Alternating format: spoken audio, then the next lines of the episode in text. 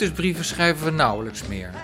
Dus we hoeven er ook niet bang voor te zijn dat ze ongeopend worden teruggestuurd door het object van jouw verlangen, dat niet gediend is van je aandacht. Zoals Elvis Presley in pre-coronatijden zong. In de jaren 20 van deze eeuw, die met een valse start begonnen zijn, beschikken we over tal van elektronische hulpmiddelen om hartjes en hartzeer uit te wisselen. Maar maken bijvoorbeeld die dating-apps het leven anno nu echt gemakkelijker? Ik vraag het aan Yvonne, die actief is op Tinder, voor het zesde deel van de Coronacast. Liefde in tijden van corona. Maar er zijn meer verrassingen in deze aflevering. Met corona? Dag met Peter de Ruiter, goedemiddag. Hallo. Ik ben op zoek naar eh, de betekenis van het woord corona en, en waar het allemaal voor wordt gebruikt. Eh, U begint te lachen? Ja, natuurlijk.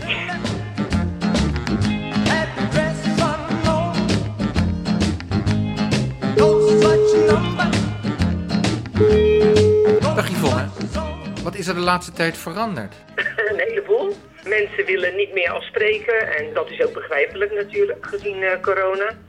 Ehm, maar mannen die bijvoorbeeld eh, alleen maar op seks uit zijn, die willen dat wel. Die lijkt het niet zoveel uit te maken. Daar gaat de lust boven de gezondheid. Dat begrijp ik dan niet zo goed, maar oké. En, en hoe is dat in, in jouw geval met de mensen die jou benaderen of eh, de manier waarop je zelf mensen benadert? Je ziet wel dat er veel meer mensen op Tinder zijn en dat er veel meer matches zijn. Met andere woorden, eh, meer mensen zoeken communicatie. Dus mensen die misschien vroeger alleen waren, die denken nu van ik wil niet meer alleen zijn. Ja, of dat hun gedachte is, dat weet ik niet, want ik zat er al op voor corona. Maar eh, je merkt wel dat je meer matches krijgt. Dus die, die redenering zoals jij hem hebt, ja, die zou heel goed kunnen kloppen. Aha. Dus mensen zeggen ook al eerder van oh dat lijkt me wel wat. Ja. Ze zijn minder ja, kritisch als ik het zo mag zeggen. Ja, ik merk ook wel aan mannen waar ik dan mee praat, hè, in dit geval chat op, eh, op Tinder, dat ze inderdaad zeggen van ja, ik dacht laat ik het ook maar eens proberen. Ja, ja. Die voorheen dan eh, sceptisch waren over überhaupt welke datingsite dan ook. Maar eh, zeker over Tinder, omdat daar toch een eh, ja, wat andere, hoe moet je dat zeggen, Ehm, belading bij komt. Hè, Tinder staat toch wat meer bekend om het seksdaten, terwijl mijn ervaring dat in het verleden in ieder geval, ik zit er nu zo'n klein anderhalf jaar op, niet zo is. Nee. Maar je moet wel kaf van het koren scheiden. Dat was toen al en dat is in coronatijd eh, nog veel meer, denk ik. Daar, daar is meer kaf bij gekomen. Ja, ja, ja. En, en ben je zelf nu ook geneigd om eerder te zeggen van nou, laat ik het daar maar eens mee proberen? Nee, Jij bent even kritisch gebleven. ik ben even kritisch gebleven en ik kap net zo snel weer eh, de mannen af waar eh, de intenties niet overeenkomen. Want Ja, ja, ja. ik ben echt op zoek naar een mogelijke nieuwe latrelatie vooralsnog. En eh, ja, daar waar anderen dat niet zijn, maar alleen maar bijvoorbeeld voor een praatje of voor de seks eh, erop zitten, eh, dan haak ik gewoon direct af. Voor zover iedereen daar eerlijk in is. Maar ik ben zelf ook open en eerlijk. Dus dat verwacht ik en hoop ik dan ook bij anderen.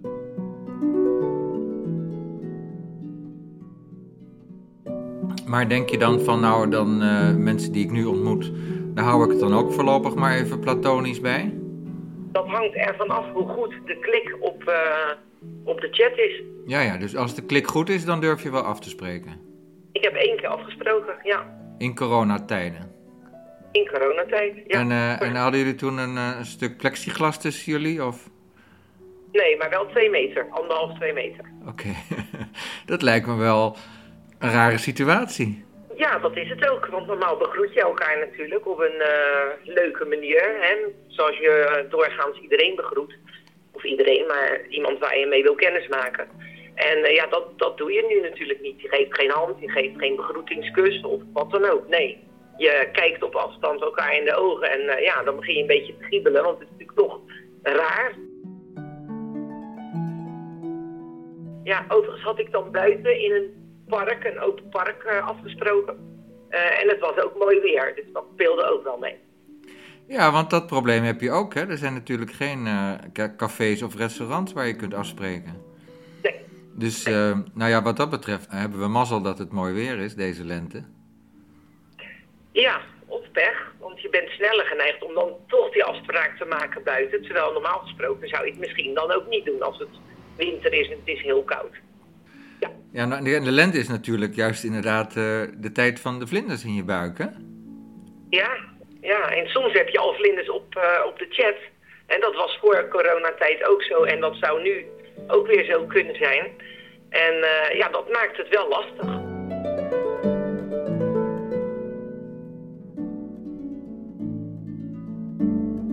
Ik heb ook zelfs overwogen om eraf te gaan om de verleiding te weerstaan om af te spreken. Want afspreken is één, maar wat als de klik er is?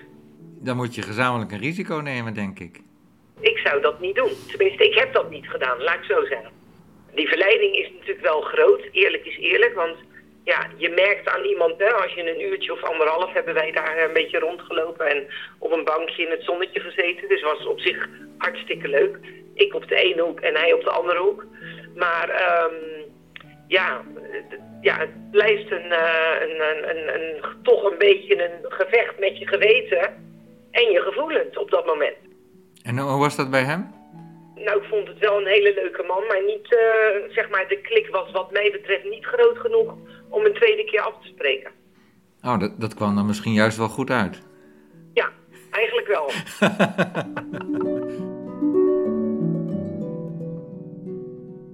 wat ik net schetste, ja, wat doe je als het wel een hele leuke klik zou zijn en zoals je voorheen een tweede, derde of vierde date afsprak? Ja, maar ja, goed, die, die beslissing heb je al gemaakt, zeg je. Omdat in dit geval, wat mij betreft, de klik niet echt groot genoeg was. Nee, maar als het wel leuk is, dan zeg je van, dan, dan ga ik toch niet verder. Dat zeg ik. Maar of ik mijn gevoel sterk genoeg is, dat kan ik je niet eh 100% zeggen. Maar op zich denk ik niet dat ik het zou doen. Nee. Maar je zegt ook, ik ken mezelf niet goed genoeg. Nou ja, je bent allemaal mens, hè? daar gaan we vanuit, daar gaan we vanuit. Ik ken jou dus eh, via een gemeenschappelijke vriendin, hè? En, en die had dus, ja, een vriend van mij ontmoet. En die zijn dan, zeg maar, net voor de bui binnen, hè? Voordat de corona losbrak. Ja. En eh, ja, veel andere mensen die nu nog op, op Tinder of op andere sites zitten, die hebben toch een beetje pech gehad. Ja, nou, dan Ehm. zie ik dat zeker. Maar ja, misschien dat we nog eens een keer een boekje moeten lezen over platonische liefde, die ook heel mooi kan zijn. Die zou ik dan inderdaad eens moeten lezen, want daar kan ik me per saldo niet zo heel veel bij voorstellen. ja, ja. En, eh, maar, maar is het nu ook zo dat je dan eh, meer chat? Eh, dat, je, dat het contact via de telefoon op de een of andere manier langer is voordat je afspreekt? Omdat je weet van ja, afspreken ligt toch een beetje lastig. Nou, langer zou ik niet willen zeggen, nee. Maar dan mo- moet ik ook heel eerlijk zeggen, ik ben van het daten is weten.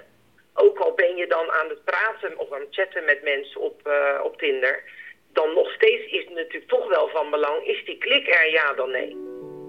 Die fysieke klik en eh, die aantrekkingskracht.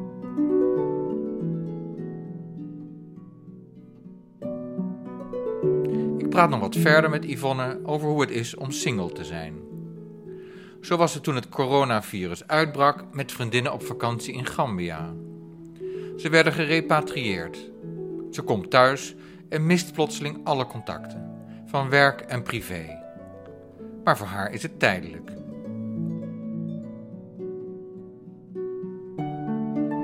Na corona, dan begint het leven weer. Er is leven na corona, ja. Kijk, ik besef me terdege dat er heel veel mensen zijn die echt altijd alleen zijn. En aan die mensen kunnen we na het coronavirus misschien wat meer denken.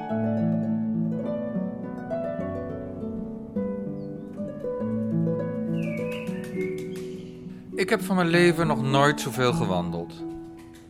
En zo kwam het dat ik op stap was met Paul Severijns, de broer van een vroegere geliefde, Desiree. Hij begint over het boek De Pest van Albert Camus, waarin liefde en dood dicht tegen elkaar aan liggen. Nou, het gaat over een uh, stadje in, uh, in Algerije. Het ligt, uh, ligt aan de kust. Het is een heel welvarend stadje. Met hardwerkende, hardwerkende burgers. Eigenlijk, ja, redelijk middelmatig, maar wel heel, heel welvarend. En dat stadje dat wordt op een gegeven moment getroffen door, door de pest. En in het boek De Pest van Camus wordt beschreven gewoon wat de impact gewoon van de, van de van de pest op zijn stadje is en hoe het proces verloopt en hoe de mensen er ook dan telkens gaan in de verschillende fasen van, uh, van de epidemie daarop, ja, daarop reageren. En nou, een van de thema's dat is dan bijvoorbeeld de liefde. En nou, je zou denken dat de liefde gewoon helemaal doodbloedt in een, uh, in een gebied wat geteisterd wordt door, door, door de pest. Maar in tegen, tegendeel is waar. De liefde werd gewoon heel intens bedreven. En de liefde was groot en speelde, ja, speelde toch gewoon een hele andere rol dan je zou denken. En gaandeweg ja, ontwikkelt die zo'n epidemie zich. Dus eerst zijn er bijvoorbeeld maar één of twee doden op een dag. En ineens zijn er honderd doden op een, op een dag. En ineens zie je, ziet iemand zijn buurman ook het uh, krijgen. Of, gewoon, uh, ja, of gewoon bijvoorbeeld uh, de, de echtgenoot. Dus het is een heel proces, zo'n epidemie. En ook hoe de ja, de overheid en de, zeg maar de, de elite daarop uh, op reageert. dat is een heel, uh, ja, dat is gewoon een interessant, uh, interessant proces waar maar, je dan naar dan kijkt. Van, nu kan het nog, we gaan vrijen, we gaan de liefde bedrijven. Ja, zo, ja, zo, zo gewoon intens, mensen willen intens leven en gewoon, zeg maar, gewoon het onmogelijke uitdagen. De grenzen die normaal... kan je dood zijn. Ja, morgen kan je, morgen kan je, kan je doodgaan. Ja, dat is gewoon een, uh, ja, misschien ook wel een dikke vinger naar de, naar de dood toe, hè.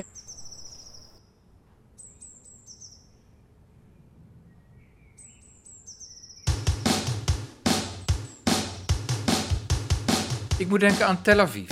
Daar ben ik nog nooit geweest. Maar het schijnt dat mensen daar ook leven alsof het noodlot elk moment kan toeslaan. En daar dansen ze vast op My Sharona, dat je nu hoort. Een nummer van de Nek uit 1979, dat je goed kunt persifleren als My Corona. En dat gebeurt momenteel uitbundig in de wereld. Dit zijn twee zingende zusters uit Israël.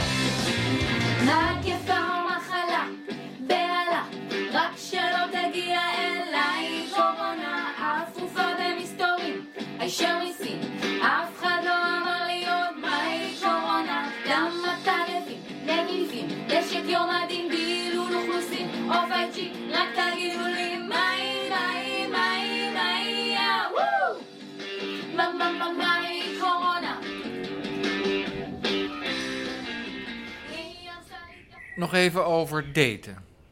Hoe gaat dat nu in de gay scene? Ik bel met Carrie. Met Carrie. Hallo Carrie. Hallo Peter. Hi. Jij werkt bij een, uh, een dating site, een dating app voor gays, hè? Ja. Um, nu hebben we sinds een paar weken het coronavirus dat rondwaart. Ja. Um, verandert dat uh, zaken voor de mensen die elkaar willen ontmoeten? Uh, ja, natuurlijk. Ja, um, er zijn natuurlijk uh, mensen die dat niet willen. En er zijn mensen die denken, nou, um, ik krijg het niet. Die heb je altijd. Maar er zijn misschien, misschien verschillende manieren om elkaar bij elkaar te komen zonder elkaar te aanraken. En uh, zie, zie, zie je dat gebeuren of, of hoor je daarvan? Ja, we zien het wel. We hebben um, vorig jaar een, um, een nieuw feature uh, gelanceerd en dat was uh, video calling. Dus je kan met een potentiële date eigenlijk eerst een video callen. Dat komt na camming. Camming is het ouderwetse contact via de webcam op je computer, je tablet of je telefoon. Dan heb je ook elkaars gegevens. Bij videocalling wissel je die gegevens niet uit. Dat is alleen maar van profiel naar profiel. je bent niet van de site af. Dus je, je blijft aan de site Ja. en je maakt zo'n telefoontje. Dus dat is nog in zekere mate anoniem. Ja, het is zeker anoniem. Ja. Ja, je moet wel je naam geven als je dat wil. Mm. Ja, ja, als je het wilt. Ja. je wil. En, en jullie zien het gebruik ervan toenemen? Ja, we zien dat dat, dat, dat eh, wel is omhoog gegaan. Ja, omdat eh, als je iemand niet in het fysiek kan aanraken, dan eh, ja, de next best ding is een foto of een beeld. En bewegingbeeld is nog lekkerder. Ik zou zeggen dat eh, binnen de eerste week of twee was er een 20% increase. Ja, we dachten, nou wat is dat allemaal? Maar we hebben klanten de hele wereld over. We wisten niet waar het vandaan kwam. We zagen wel dat het uit eh, Azië komt. En het volgt eigenlijk de virus de wereld over. Snap je wat ik bedoel? Ja, dus ook Italië, Spanje. Ja, ja, zeker. Ja. En dat, dat gebeurde heel snel. En wat ook gebeurt is dat ehm, de, de tijd on, online voor de mensen die alleen maar, eh, zeg maar foto's bekijken, dat is langer geworden. Mensen die wilden andere mensen daten, dat is ook ietsjes langer geworden. Dus iedereen kijkt langer. De interactie tussen mensen is eigenlijk een beetje gedaald. Echt interactie. En wat bedoel je interactie dan? Waar mensen zeggen dat ze, zijn, eh, dat ze gaan wel daten. Ja, ja. Dat is eigenlijk om, omlaag gegaan. Fysieke con- contact is eh, verminderd. Ik verwacht dat over de komende periode dat bewegende beelden worden eh, de norm weer. En dat je zou toch nog minder dat lichamelijke opzoeken. Ja, maar als je denkt ook eh, wat is gebeurd met eh, HIV, toen ik ook vanuit het niets kwam. eh, veel mensen waren ook bang. Ja, doet jou dat er nu aan herinneren? Ja, een beetje van eh, de reacties erop. Hoe mensen omgaan met, eh, met crisis. Maar aan de andere kant zijn mensen die natuurlijk... They just don't care. Dus ze doen het toch. Ja. Dansen op de dat is vulkaan. gebeurd ehm, in, in Amsterdam. Hier in Amsterdam. Waar HIV en AIDS helemaal groot wa- waren. Mensen gingen nog steeds naar darkrooms of in de parks of dat soort dingen. Even eh, losjes en eh, onbeveiligd. Eh, dat, ja. Sommige mensen denken dat ze krijgen niks. Maar zo werkt de wereld niet. En de virus, ja. De virus, voor, een virus maakt niet uit waar het belandt. Maar het is natuurlijk wel moeilijk als je niet zo makkelijk meer kan daten in deze tijd. Je hoeft elkaar niet aan te raken om van elkaar te genieten.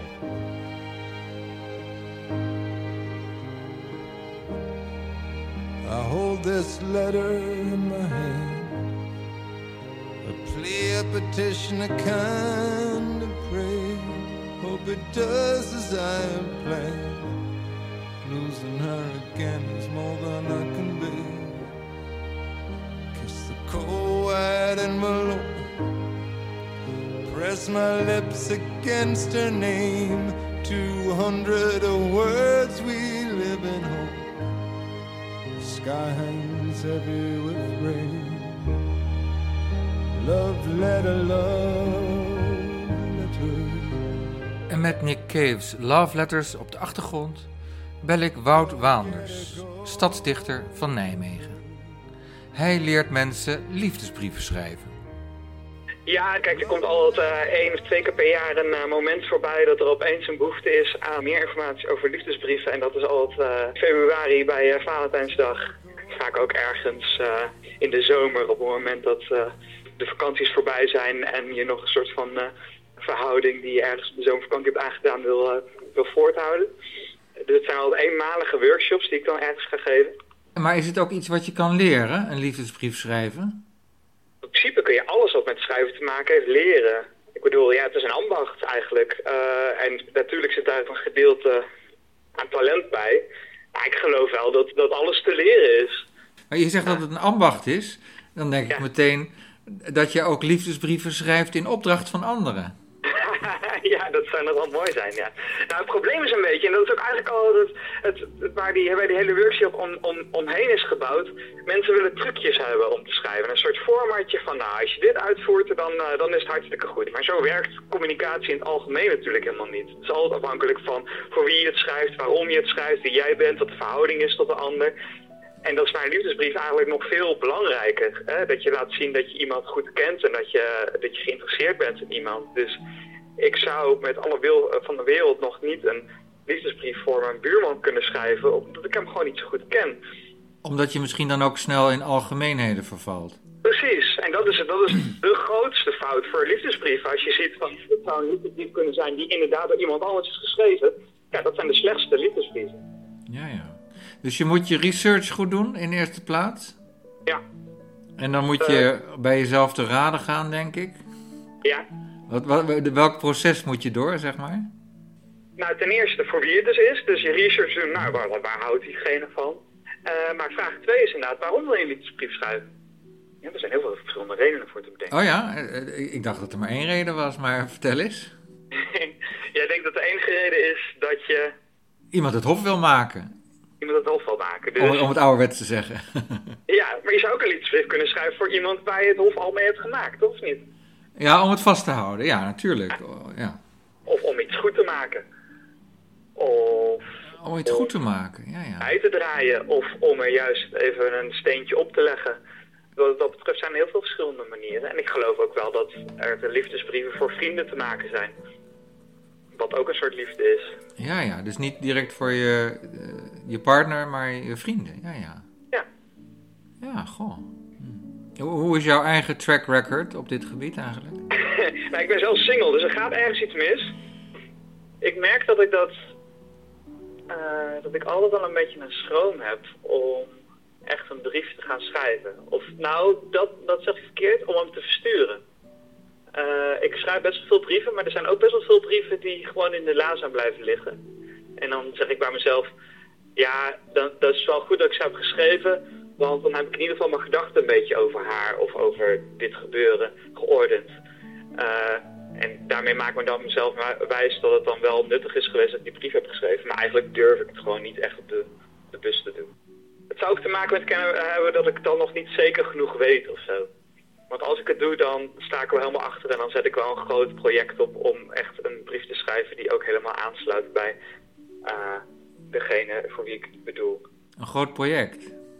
Ja, nou ja goed, ik, uh, een van de onderdelen van de cursus is ook, is niet per se de brief zelf, maar zorgen dat het in een vorm is die iemand aanspreekt. Dus bijvoorbeeld, je bent verliefd op een tuinman, zorg dan niet dat je een brief schrijft, maar dat je je boodschap met een hark in een veld krast of zo. Of uh, ik had wel zelf verliefd ooit op een meisje dat heel van Harry Potter hield. Nou, dan kun je wel een brief schrijven, maar dan is het wel leuk als je die laat bezorgen door een uil bijvoorbeeld of zo. Ja, ja. dus de, de medium is de message, hè? Exact. En, en, en, en bovendien, het, het, begrip liefdesbrief is eigenlijk veel breder, want iedereen ziet dan een stukje papier voor zich. Ja. Maar, maar, maar je kunt ook een vliegtuig met een boodschap de lucht insturen, hè? Met een... Ja, zeker. Ja. Drone. Ja, een drone tegenwoordig, ja.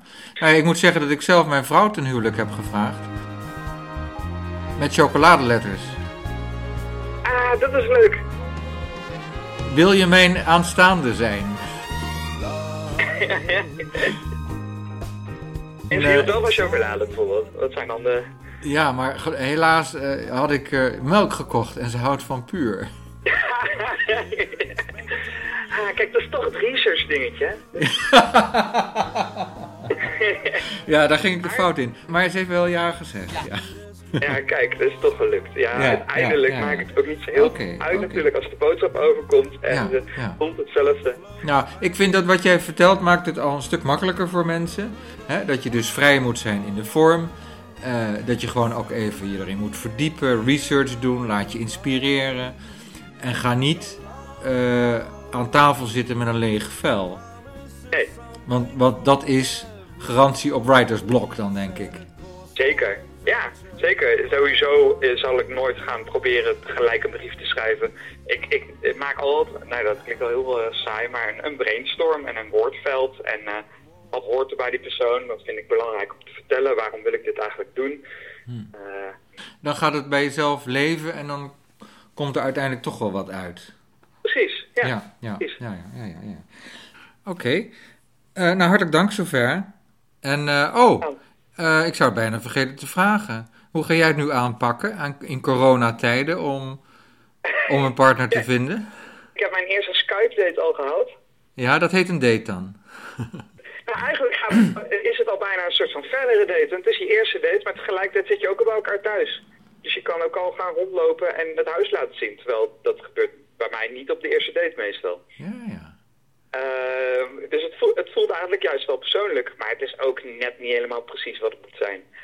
Nou ja, goed, als vrouwen zich geïnspireerd voelen door jouw warme stem, dan, eh, dan weten ze je te vinden op jouw website, toch? Zeker, daar staat mijn mailadres op. Laat het me alsjeblieft weten. Ik Hoe oud ben je? ben 30. Oké, mooie leeftijd. Hello, it's me. I'm in California dreaming about going out to eat just a burger Nou, die Wout mag er zijn. Virusvrij, zo te zien. Google maar op Wout Waanders. En bedenk, je bent als partner verzekerd van een voortdurende stroom brieven en gedichten. Can you hear me? I am shouting out to neighbors who I used to like to see when we were outside and free. Is there something else to watch besides the news and finding Dory? En dit is Hello from the Inside. Ook zo'n corona-persiflage. Deze is van Chris Mann, die er ook een heeft gemaakt met Vogue van Madonna en My Sharona. Hello from the inside. It's just me and myself and I. Tja, wat kan je dan nog doen from the inside? Bellen dan maar. Met corona. Dag met Peter de Ruiter, goedemiddag. Hallo, goedemiddag. Dag, ik ben journalist en ik maak een podcast. Eh, en het gaat nu over het coronavirus. En ik ben op zoek naar eh, de betekenis van het woord corona en, en waar het allemaal voor wordt gebruikt. Eh, u begint te lachen?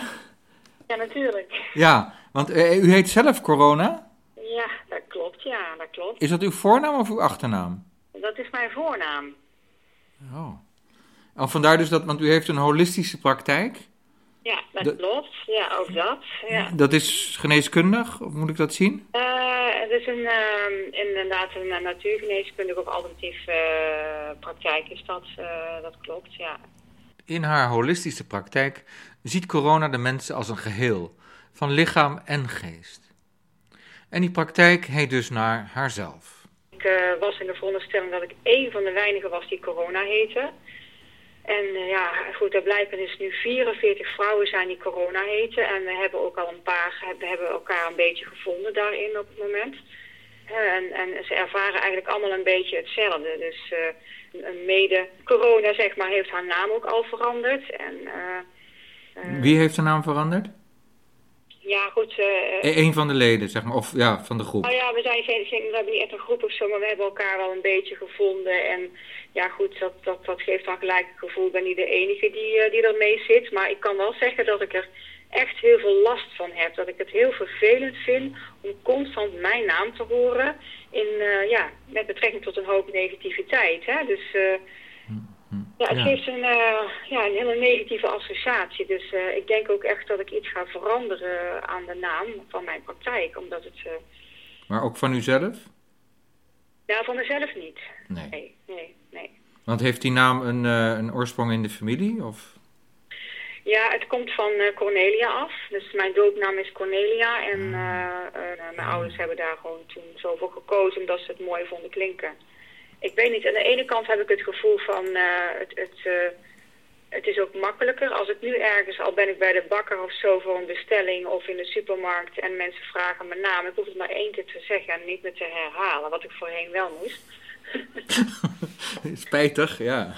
Ja, dus als mensen zeggen van wat is uw naam? Ik zeg ja, ik zeg corona. En dan kijken ze, zeg ja, dan schrijven ze het gelijk goed op. En voorheen was het altijd, dan maakten ze er Corina van of Corolla van of Corona van. En dan moest ik iedere keer weer herhalen van nee, het is corona met dubbel O en dan R-O-N-A. En nu hoef ik maar één keer te zeggen corona, het is gelijk duidelijk. Dus dan vergeten ze het gewoon niet meer. Ja. dus het heeft ook zijn voordelen. Ja, Johan Cruijff zou zeggen, eh, elk nadeel heeft een voordeel. Ja, ja, precies. Maar ik kan begrijpen dat het een hele rare gewaarwording is. eh, voor u en ook voor de, voor de mensen om u heen.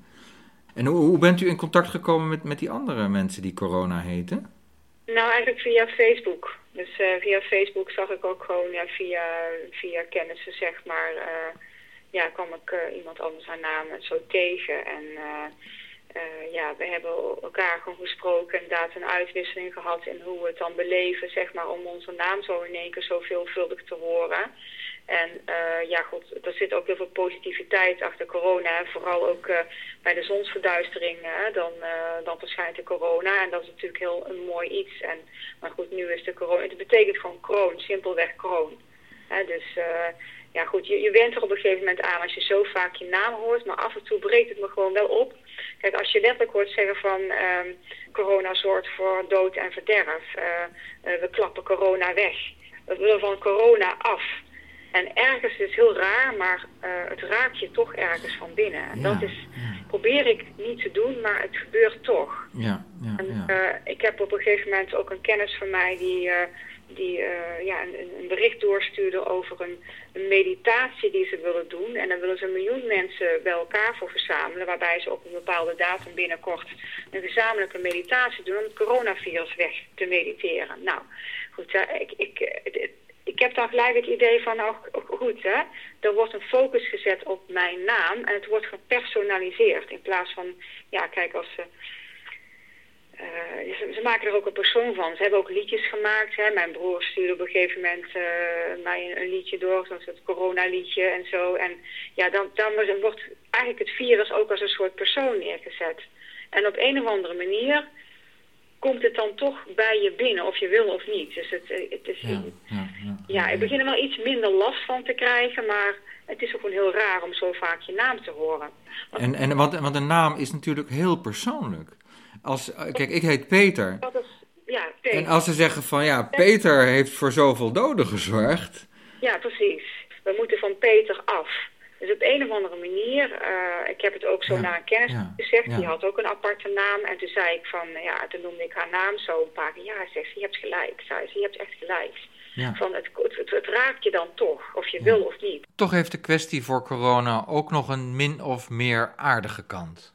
Wat mij ook opgevallen is, is dat ik sinds eh, ja, een korte tijd eigenlijk heel veel vriendschapsverzoeken krijg op Facebook. Echt niet meer bij kan houden. Echt zo ontiegelijk veel. Het gaat maar door. En wat heeft dat voor achtergrond dan? Ja, dat heeft waarschijnlijk te maken met dat mensen me toch vinden. eh, en het leuk, gewoon leuk vinden dat ik corona heet. Ja, ja. Die, eh, die willen me allemaal. Sturen me allemaal vriendschapsverzoeken. Wat En leuk, mensen die ja. ik natuurlijk helemaal niet ken en zo. Dus, eh, en dan heb ik, ben ik daar niet zo van, van, ik hoef niet zoveel vrienden en zo. En ik ben heel selectief, maar op een gegeven moment ja, kon ik het niet meer bijhouden. En ik heb een heleboel niet, niet beantwoord. Ik denk, ja, ik... eh, Nou, corona, dit is een heel mooi verhaal.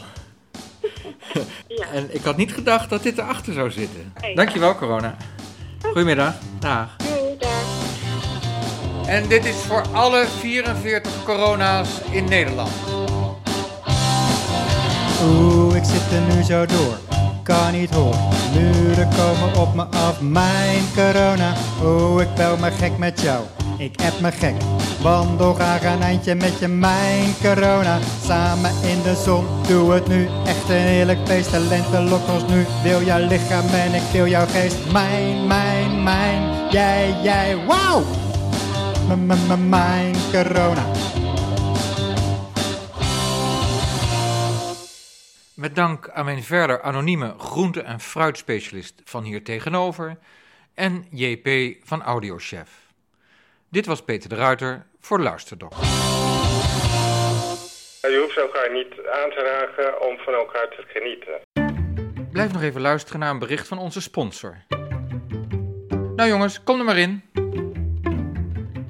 Hallo, hallo sponsor. Hallo sponsor, ben je daar? Hallo. Sponsor niet gevonden.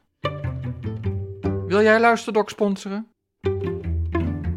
Klik dan naar donatieluisterdok.nl.